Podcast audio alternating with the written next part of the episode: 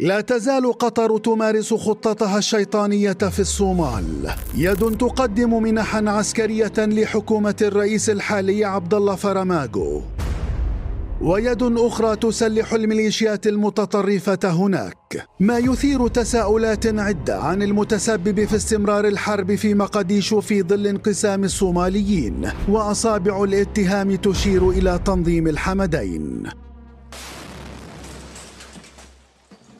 تنظيم الحمدين يسلح المرتزقة الذين يعادون الدولة في الجنوب حتى يشعل نيران الفتنة والحرب الأهلية من جديد في العاصمة الصومالية لتعزيز مصالحهم الاقتصادية في منطقة القرن الأفريقي.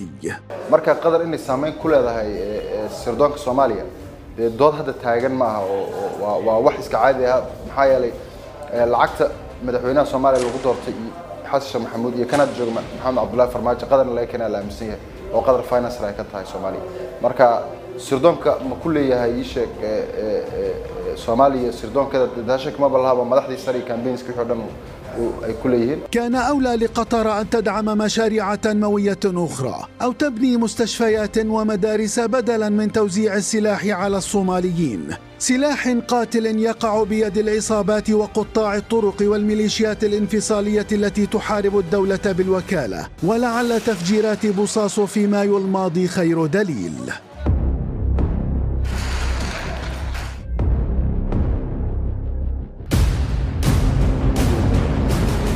وسؤال كله قدرية مركز كذا وحي هذا نعرفه وبارنا لكن وح الله ياب كله وحي هاي إن سفير كصومالي وفني قدر وورنا عاصو كله على قبضه وكشف التسجيل الصوتي المسرب الذي نشرته صحيفة نيويورك تايمز الأمريكية دور قطر الخبيث في تفجيرات الصومال وأذرع الدوحة المشبوهة في تخريب العاصمة مقديشو.